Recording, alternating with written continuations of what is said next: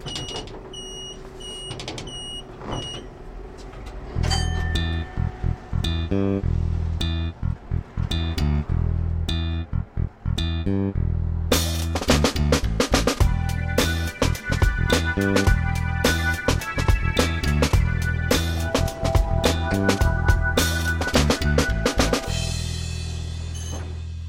do węzła przysiadkowego wraca kącik literacki, a wracamy do sprawy sprzed 40 lat w tym kąciku, sprawy katastrofy w Otłoczynie, najgłośniejszej katastrofy, najbardziej tragicznej w dziejach kolei po 1945 roku w Polsce. A moim gościem jest autor tej książki, Jonasz Misiaszek-Przybyszewski. Witam cię bardzo serdecznie. Dzień dobry.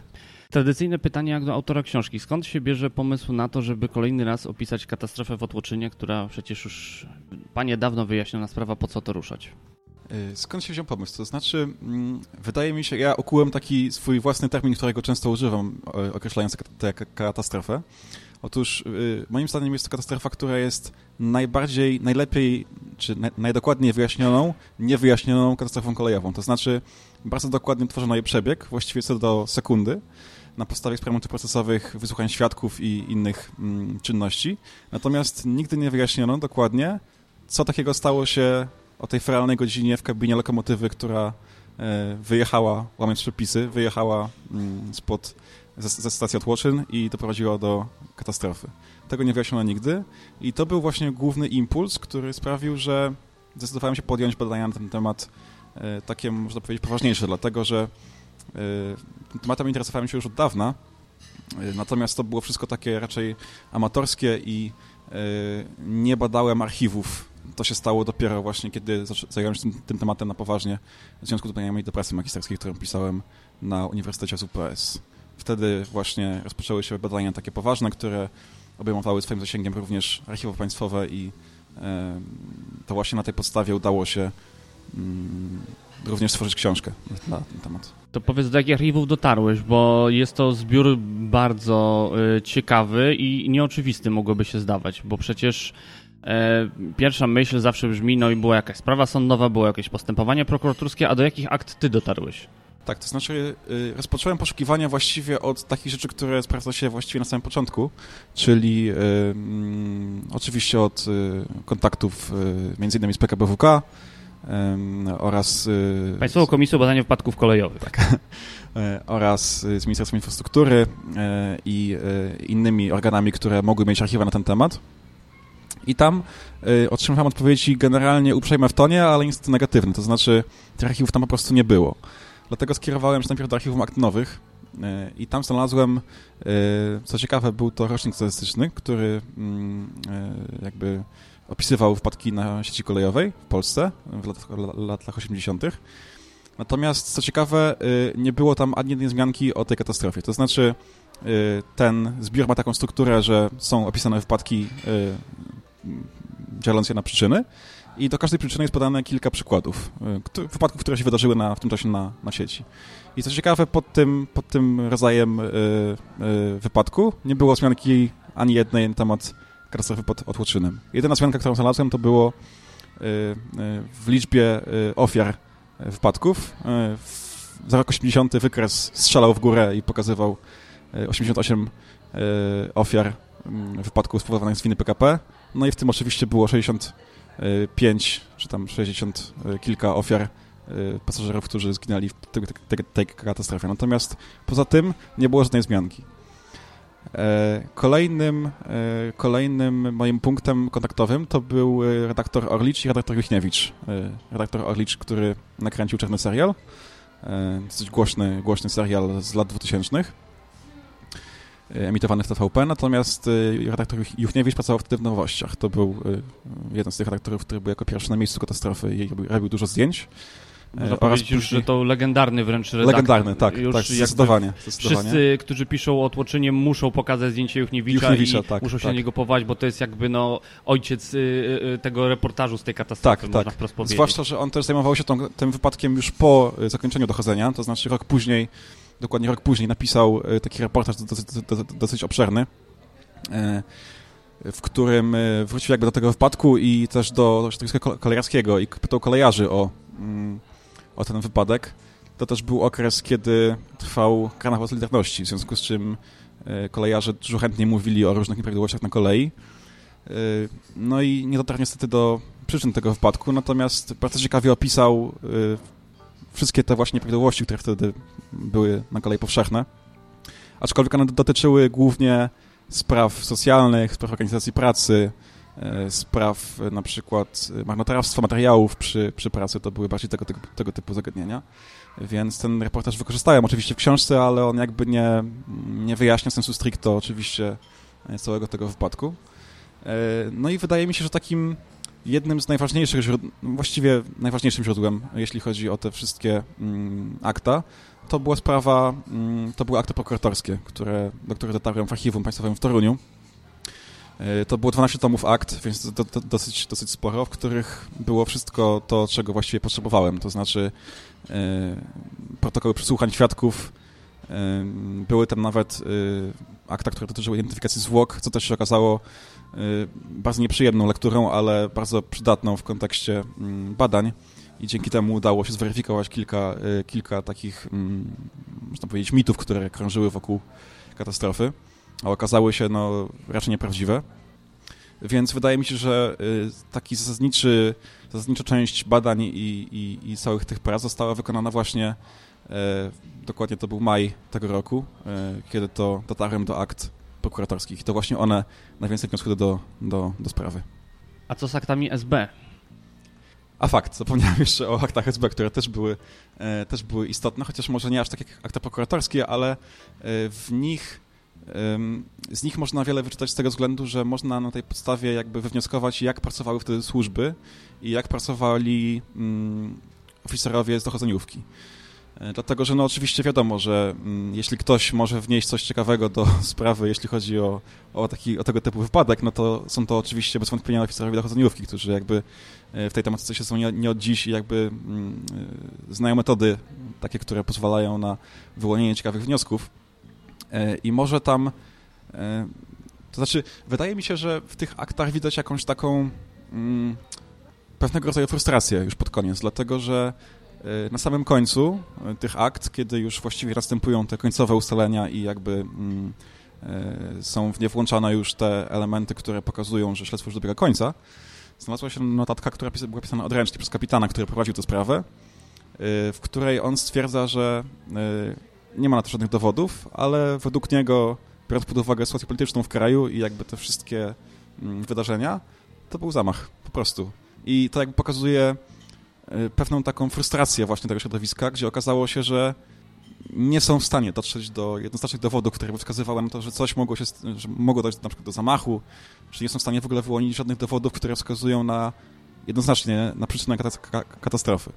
Ale Esbeck twierdzi, że to był zamach amerykańskich imperialistów? Y, nie, że to był po prostu zamach. Y, I to było wszystko. To była taka krótka, właściwie jednostroniowa notatka, której, w której on jakby wskazywał na to, że nie ma dowodów, ale mm, biorąc pod uwagę to, że y, jest taka sytuacja polityczna w kraju, jaka jest i że w tym samym czasie wydarzył się pożar szpitala w Górnej Grupie, ten głośna też sprawa, y, no to jemu się wydaje, że to był po prostu zamach.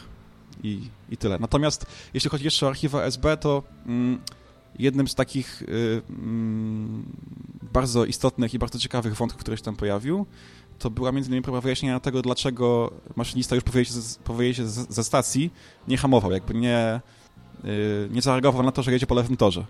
I tam pojawiło się takie wyjaśnienie, do, do którego dotarli SBcy yy, i wydaje mi się, że ono jest bardzo ciekawe. Może nie jest to jakby takie, takie wyjaśnienie, które można przyjąć za pewnik, czy takie, które bardzo dobrze udowadnia yy, to, dlaczego nie reagował.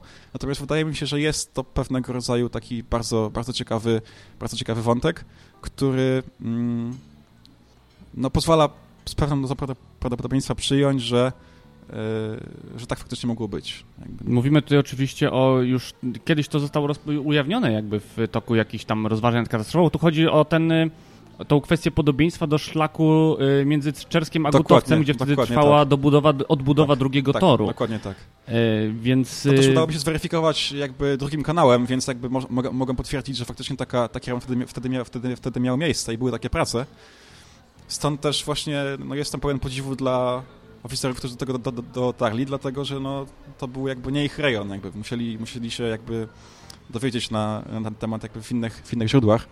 E, więc tak jak mówiłem, jestem pełen podziwu dla, e, dla kunsztu, chociaż może to trochę przewrotnie brzmi, no bo mówimy przecież o służbie, która była też odpowiedzialna za, za wiele złych rzeczy, natomiast no, w tym przypadku naprawdę wykazała się niemałym, niemałą energią, niema, niemałym kunsztem, że do tego do, dotarli.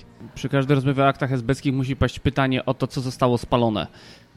E, Czy co... były duże braki w tych aktach? Co zostało do dziś, a co e, nie przetrwało do dnia Wydaje mi się, że pewne braki w tych aktach mogą być faktycznie. E, natomiast co do zasady, większość z tych akt jest w tej teczce. To znaczy, na pewno spalono, to znaczy spalono bądź zniszczono w inny sposób akta, w których była korespondencja. To się, to się nazywało fachowo dokument W I e, to był dokument, który właśnie zawierał wszystkie listy, które były wymieniane między, między e, agentami, między informatorami, też między osobami podejrzanymi. I, i, to, i to, był, to był właśnie dokument, który, który zawierał korespondencję, więc to był, to był jedyny dokument, który, który był jakby udokumentowany, udokumentowano jego zniszczenie. To był, to był jeden taki dokument w tej, w, tej, w tej teczce.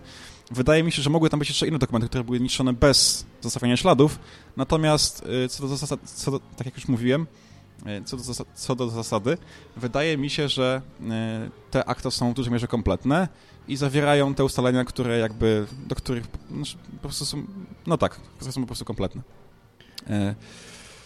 Jeszcze jedną rzecz chciałem powiedzieć, to znaczy, jeśli byłoby inaczej, to po prostu wydaje mi się, że w tej teczce również znalazłyby się te ustalenia, yy, również znalazłyby się te ustalenia, które, które jakby mm, zostałyby wykryte w, w toku śledztwa. Po prostu wyniki tego całego postępowania wskazują, że jeśli nawet dokumentacja była, to ona jakby nie wniosła nic nowego już do, do sprawy.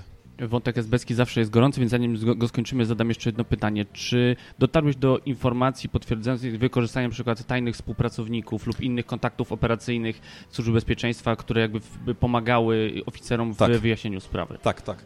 Yy, znaczy, oczywiście mm, tutaj należy wspomnieć, że takie, mm, takie zabiegi były, to znaczy yy, SB miała swoich informatorów również w środowisku yy, kolejarzy, i dokładniej mówiąc również w środowisku tych kolejarzy, którzy pracowali wtedy w okolicy, to znaczy mówimy o Toruniu, Otłoczynie i Aleksandrowie Kujawskim.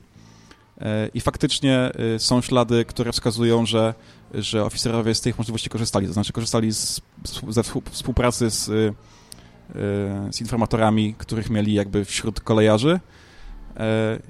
I korzystali z niej w sposób taki bardzo rzetelny, to znaczy jakby naprawdę zasięgali tej wiedzy i później wykorzystywali ją w praktyce, to znaczy, mm, no tak, tak. To przejdźmy do samej historii maszynisty Rożka tak. z Chojnic. Y, twoja książka nazywa się 25 godzina. Tak. To jest y, godzina pracy w y, Mieczysława Rożka, w której dochodzi do tak, katastrofy. Tak, powiedz, jak to było możliwe, że człowiek mógł pracować tak długo i nikt go z tej pracy nie zdjął? Wiemy o dwóch wykazach, natomiast ty pokazałeś, że tych wykazów było znacznie więcej i ta procedura wydłużania tej pracy prawie że w nieskończoność, e, bo tam była mowa chyba na to 36 godzinach. Jak, tak. jak to się wtedy robiło? E, to znaczy, wbrew pozorom sprawa jest, sprawa jest całkiem prosta. To znaczy, e, w momencie, kiedy Roszek pojawił się pierwszego dnia pracy w lokomotywowni w Chojnicach, wydano mu kartę pracy na lokomotywę o innym numerze niż ta, niż ta którą poprowadził. Okazało się, że tej lokomotywy nie można uruchomić, ponieważ jest ma rozładowane akumulatory, w związku z czym Rożkowi wydano drugą kartę pracy. E, na lokomotywę, zresztą jego planową, taką, którą miał przydzieloną jakby na stałe i to właśnie tą lokomotywą wyjechał e, z Chojnic, natomiast nie zdał tej karty pracy, którą mu wydano na tą pierwszą lokomotywę e, o innym, o innym, o innym numerze. I teraz dojeżdżamy do Piły, gdzie drużyna zostaje skierowana na y, nocleg, na odpoczynek. Y, I po tym odpoczynku tak naprawdę czas pracy maszynisty w zasadzie się zeruje.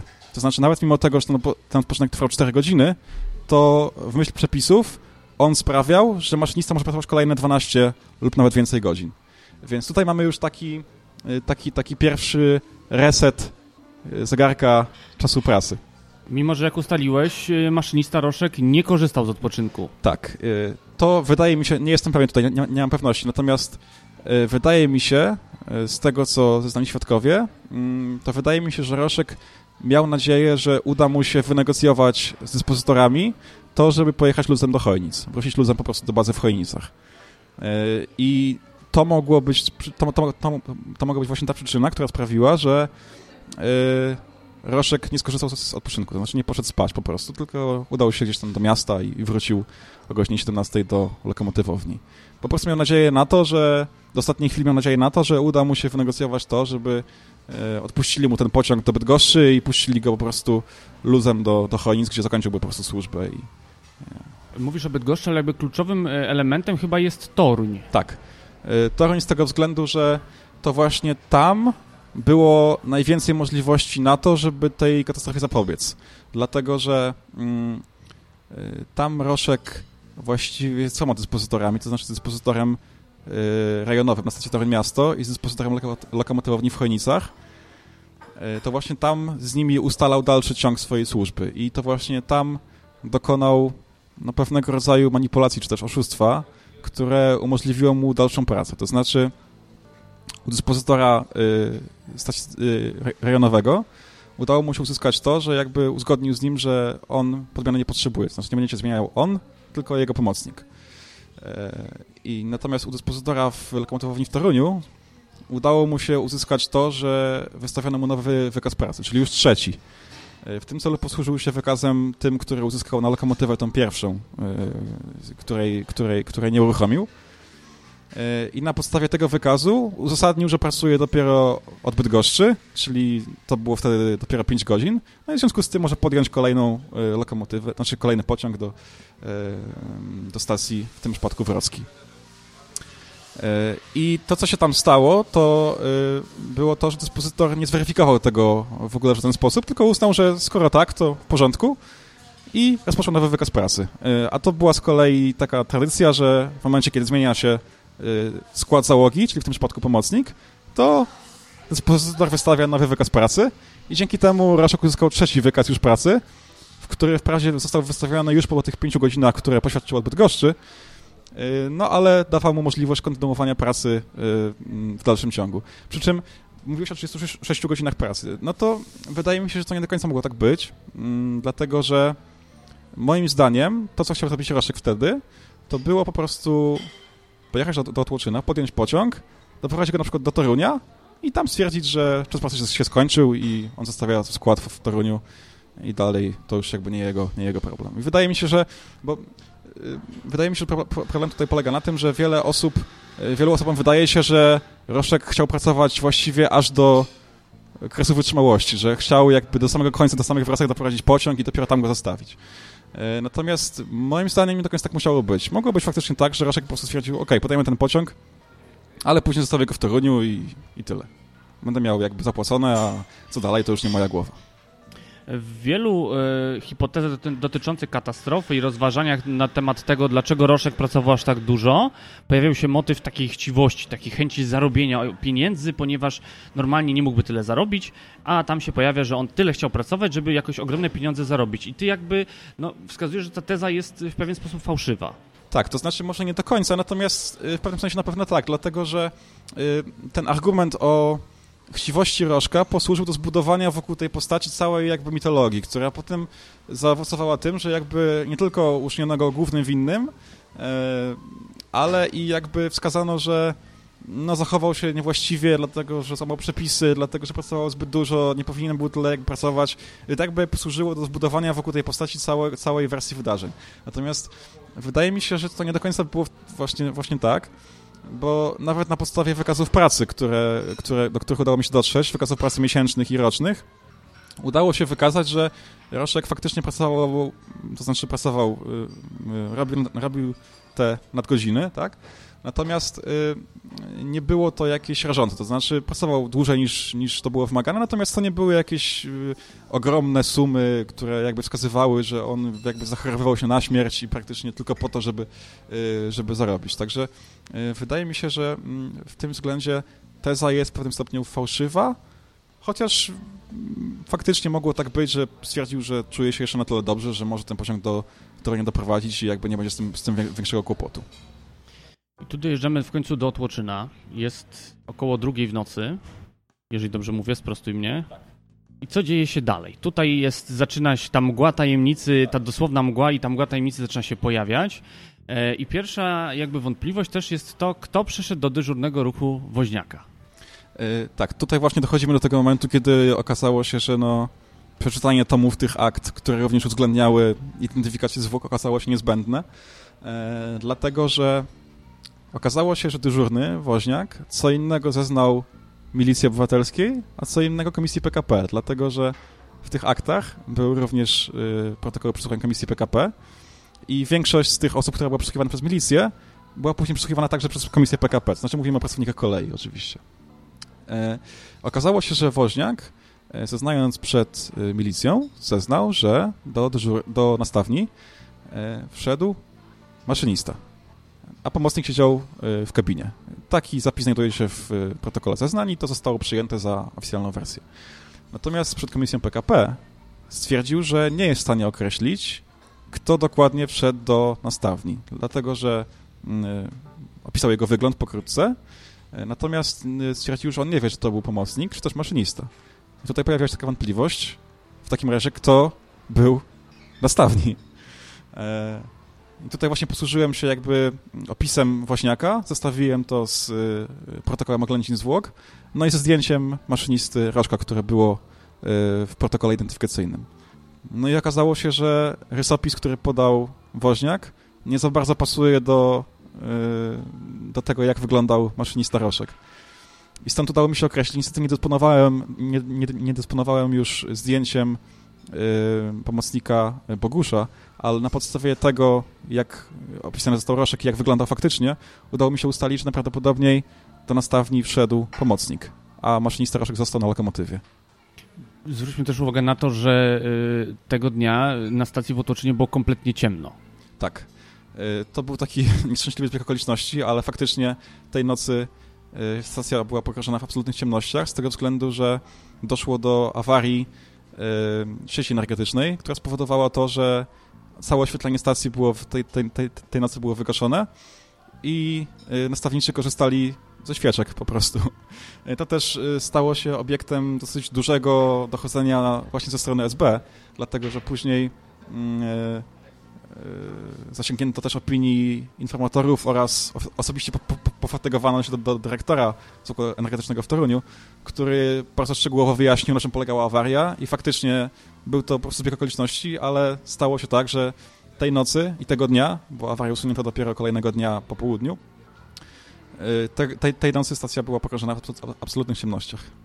Jedyne, co można było zobaczyć, to te drobne światełka na nastawniach, które mieli dyżurny i nastawnicza oraz y, światła gazowe oraz... Y, y, gazowe i naftowe. Gazowe i naftowe, światła semaforów kształtowych, które wówczas tam były. Tak, co ciekawe też nie wszystkich, dlatego że później przesłuchano nawet y, osobę, która była odpowiedzialna za zapalanie i gaszenie świateł y, na, na, stacji i okazało się, że ta osoba nie zna w ogóle regulaminu technicznego tej stacji. To znaczy nie wiedziała, które światło ma zapalić, a które nie, więc efekt tego był taki, że część światła była zapalona, a część nie. Oczywiście to nie miało dużego wpływu na sytuację, dlatego że akurat światła, o których my mówimy, które nas interesują, czyli semafory i zwrotnice, akurat były zapalone. Natomiast y, pokazało to, że osoby, które są odpowiedzialne za oświetlenie stacji nie zawsze są w stanie stwierdzić, które, co, co, co w ogóle powinny zrobić, które światła zapalić, a które nie. Więc to, było też taki, to był też, też taki ciekawy moment. Natomiast y, trzeba też zwrócić uwagę na to, że w pewnym momencie mm, tego postoju nie było już w ogóle kompletnie nic widać, dlatego że była mgła.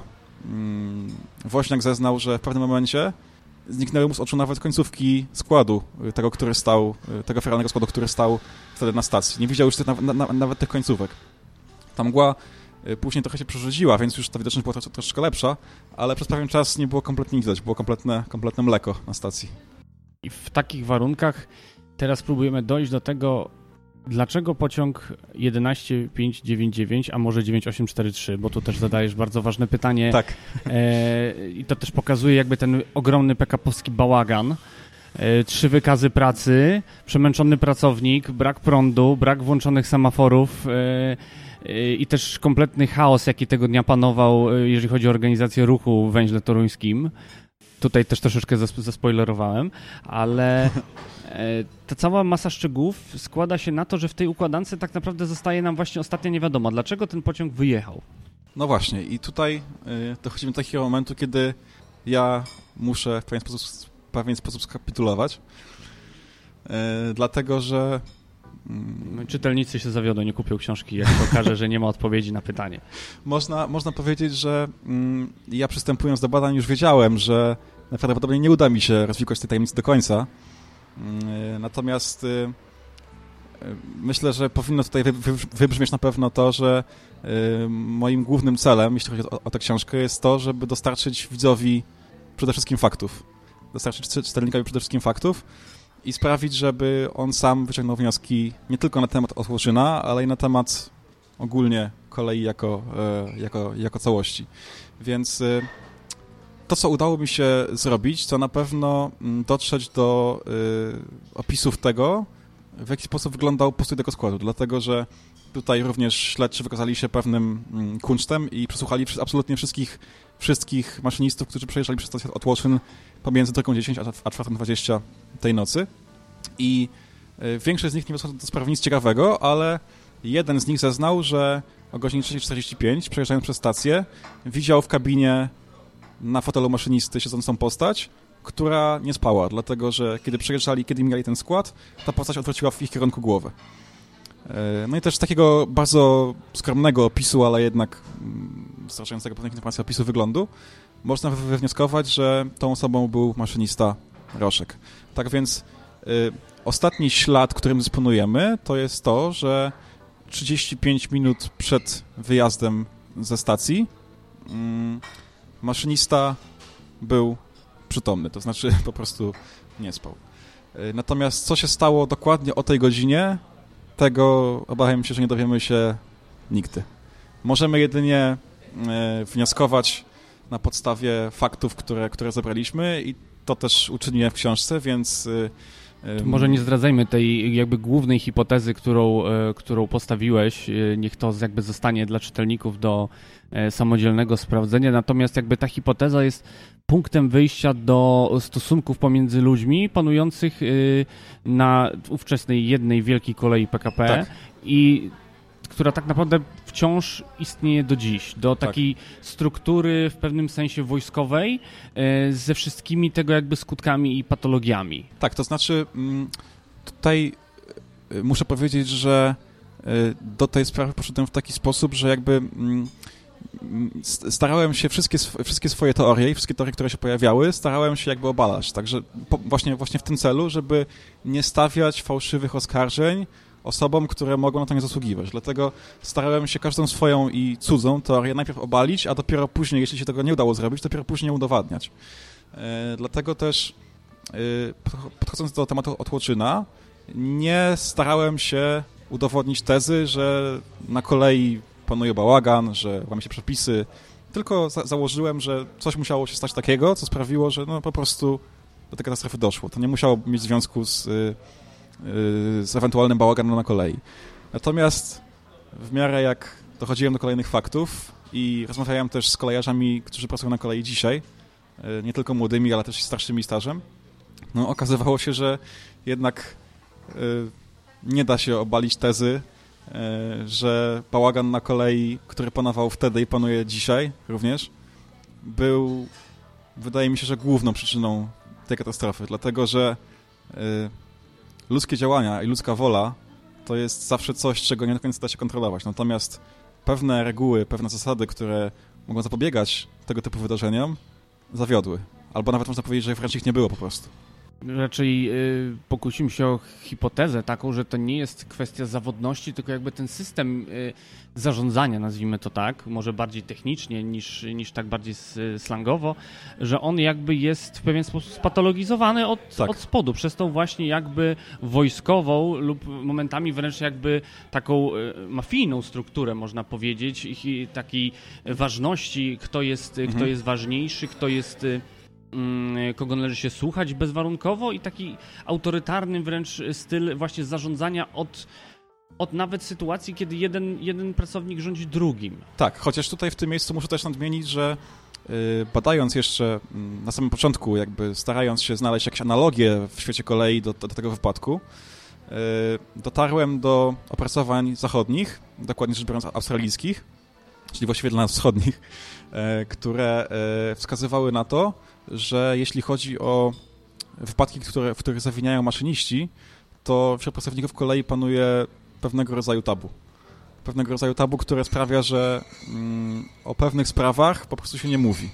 Znaczy mówię tutaj po prostu o takich kwestiach, które, y, znaczy takich wypadkach, które powodowane są po prostu przez, przez błędy ludzkie, przez błędy maszynistów, dyżurnych, osób, które sterują koleją. Y, więc wydaje mi się, że y, skoro w krajach zachodu, które są uznawane zawsze za takie transparentne, w których się dba o jakby przejrzystość, o bezpieczeństwo i tak dalej, dochodzi do sytuacji, w których maszyniści, czy w ogóle pracownicy kolei nie mówią o pewnych sprawach, no to można sobie tylko wyobrazić, jak bardzo, jak bardzo ta zasada obowiązuje także w Polsce, jak bardzo jest pielęgnowana do tej pory. Czyli panuje po prostu tak zwana zmowa milczenia na temat sensie tak. tego, co jest złe tak. i jakby to, co złe jest kultywowane, a nie wypleniane. Tak, dokładnie tak. Zbigniew Juchniewicz pytał, ile zmieniło się rok po katastrofie, a ile zmieniło się 40 lat po katastrofie w Otłoczynie. No właśnie mm, tutaj może właśnie dokonam pewnego, e, zrobię mały spoiler odnośnie treści książki, e, ale kiedy rozmawiałem z panem Juchniewiczem w związku właśnie z jego artykułem przez telefon, redaktor Juchniewicz powiedział mi, że chciał tym artykułem pokazać, co zmieniło się na kolei rok po katastrofie. I po chwili ciszy powiedział, to znaczy nic. I tutaj trochę mnie zmroziło, dlatego że no oczywiście yy, o ile można było jakby powiedzieć, że rok po katastrofie nic nie zmieniło, no to wydaje się dziwne, że 40 lat po tej katastrofie pewne elementy tego systemu, o którym, o którym pisał Juchniewicz, o którym piszę ja, są dokładnie takie same. To znaczy układy międzyludzkie i jakby mm, organizacja pracy na kolei i jest hierarchizowanie i wynikające z tego patologie są na kolei obecne do dzisiaj i co więcej, nie wydaje mi się, żeby to był trend, który miałby się zmienić czy odwrócić w ciągu najbliższych lat, dlatego że tak powiem trochę przewrotnie, ale cmentarze są pełne ludzi, którzy, których można określić mianem betonu, ale w dalszym ciągu okazuje się, że na kolei 40 lat po tej katastrofie, w dalszym ciągu układ jest taki sam, no więc skoro ci ludzie, którzy wtedy żyli i brali udział w tych wydarzeniach już nie żyją, a mimo to dochodzi do wydarzeń takich jak Szczekociny czy inne katastrofy, no to coś jest naprawdę bardzo nie tak.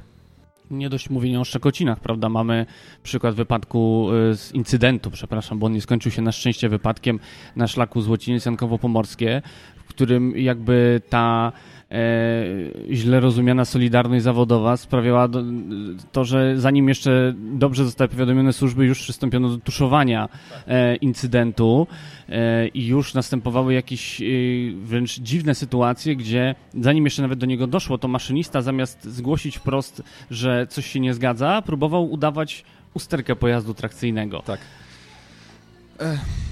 To znaczy, wydaje mi się, że y, też trzeba trochę oddać sprawiedliwość pracownikom kolei, dlatego że y, z jednej strony mamy do czynienia z pewnego rodzaju zmową milczenia, tak jak powiedziałeś, z pewnym rodzaju tabu, które każe maszynistom, no można powiedzieć, kryć siebie nawzajem i w takich przypadkach właśnie y, naruszeń, które prowadzą później do wypadków, pomagać sobie wzajemnie. I trudno mieć pretensje do ludzi, że starają się sobie pomagać, jakby to jest, to jest naturalna kolej rzeczy.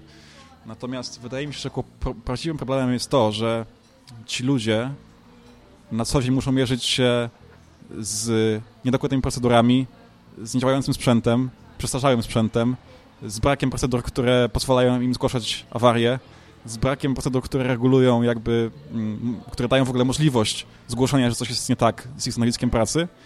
Po prostu są zmuszani przez jakby sytuację i rzeczywistość do tego, żeby pracować na sprzęcie, którego nie znają, albo który jest wadliwy i jakby to właśnie prowadzi do takich wypadków jak złocianie czy Szczekociny. Y, a później jakby nic się nie zmienia, bo mamy przecież raporty PKBWK, mamy deklaracje różnych spółek, że teraz już będzie inaczej, że teraz zadbają o bezpieczeństwo, że teraz sprawią, że będzie wreszcie na kolei bezpiecznie, ale okazuje się, że to wszystko gdzieś tam rozbija się o wiadomo co, że jakby nic się nie zmienia. skoro nic się nie zmienia i mówisz, że Zbigniew już nie wiesz, chciał pokazać, co się zmieniło, czy uważasz, że twoja książka pokazuje też, że się nic nie zmieniło, czy też jest jakimś, jakimś kolejnym, jest kolejnym impulsem, który ma pobudzić do myślenia decydentów o tym, że jednak trzeba zainicjować jakąś głębszą zmianę? Przede wszystkim to właściwie mm, może to jest troszeczkę takie idealistyczne myślenie, ale jednym z głównych moich celów, jeśli chodzi o tę książkę, było właśnie to, żeby obudzić dys dyskusję na temat bezpieczeństwa na kolei w Polsce, dlatego że wiele się mówi o bezpieczeństwie ruchu drogowego, wiele się mówi o bezpieczeństwie pieszych, wiele się mówi o bezpieczeństwie rowerzystów, natomiast kolej jest uznawana za coś, co żyje własnym życiem. To znaczy, niby można naciskać, można komentować, można pisać artykuły w gazetach, ale później mamy sytuacje takie właśnie jak w Złocieńcu, to znaczy yy, 8 lat po katastrofie w Przekocinach okazuje się, że po raz kolejny te, te, te same procedury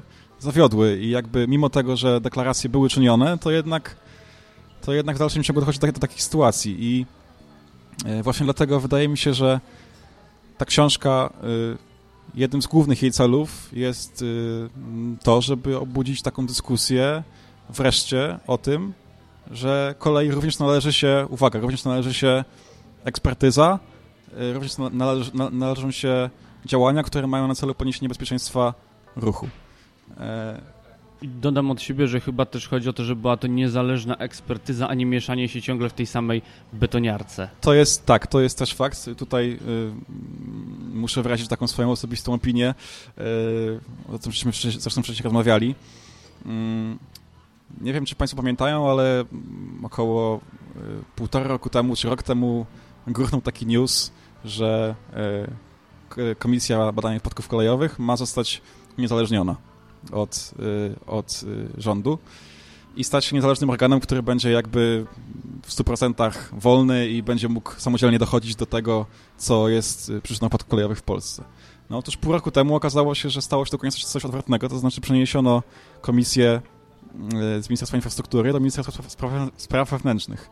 I to jakby wydaje mi się, że tylko pogorszy, tylko, tylko pogorszy sprawę, dlatego że jakby zamiast ją uniezależniać, postanowiono ją, ją jeszcze bardziej wtłoczyć w te ramy polityczno tego politycznego układu, który, który sprawi, że, że na tej prawej raczej nie będzie. Ja ze swojej strony tylko dodam, że jest to zmiana czysto formalna, ponieważ Państwowa Komisja Badania Wypadków Kolejowych dalej urzęduje w budynku Ministerstwa Infrastruktury. I tą jakby mało optymistyczną puentą yy, zakończymy tę rozmowę. 25 godzina, historia katastrofy kolejowej w Otłoczynie z 1980 roku. A autor tej książki, Jonasz Misiaszek-Przybyszewski, był dzisiaj moim gościem. Bardzo Ci dziękuję. Dziękuję również. Książka, o której rozmawialiśmy, już w ciągu kilku najbliższych dni powinna być w sprzedaży. Zapraszam Was na stronę wydawnictwa. Link znajdziecie oczywiście w opisie odcinka. A na dziś pozostało mi już tylko podziękować patronom podcastu, a w szczególności tym, którzy korzystają z biletów dobowych i miesięcznych a są to Piero, Paweł Zegartowski, Paweł Szczur, Tomasz Tarasiuk, Monika Stankiewicz, Paweł Łapiński, Andrzej Kaźmirowski, Peter Jancowicz, Jan K., Jerzy Mackiewicz, Jakub Kucharczuk, Michał Cichosz, Łukasz Filipczak, Filip Lachert, Jacek Szczepaniak, Jurek Gozdek, Kuba Czajkowski, Szymon Woźniak, Piotr Chwalski, Borys, Barnaba Turek, Grzegorz Szyman-Kynik oraz MJ. Jeszcze raz serdecznie wszystkim dziękuję. Zapraszam do księgarni i do sklepów internetowych po 25 godzinę. Na dziś to wszystko. Do usłyszenia.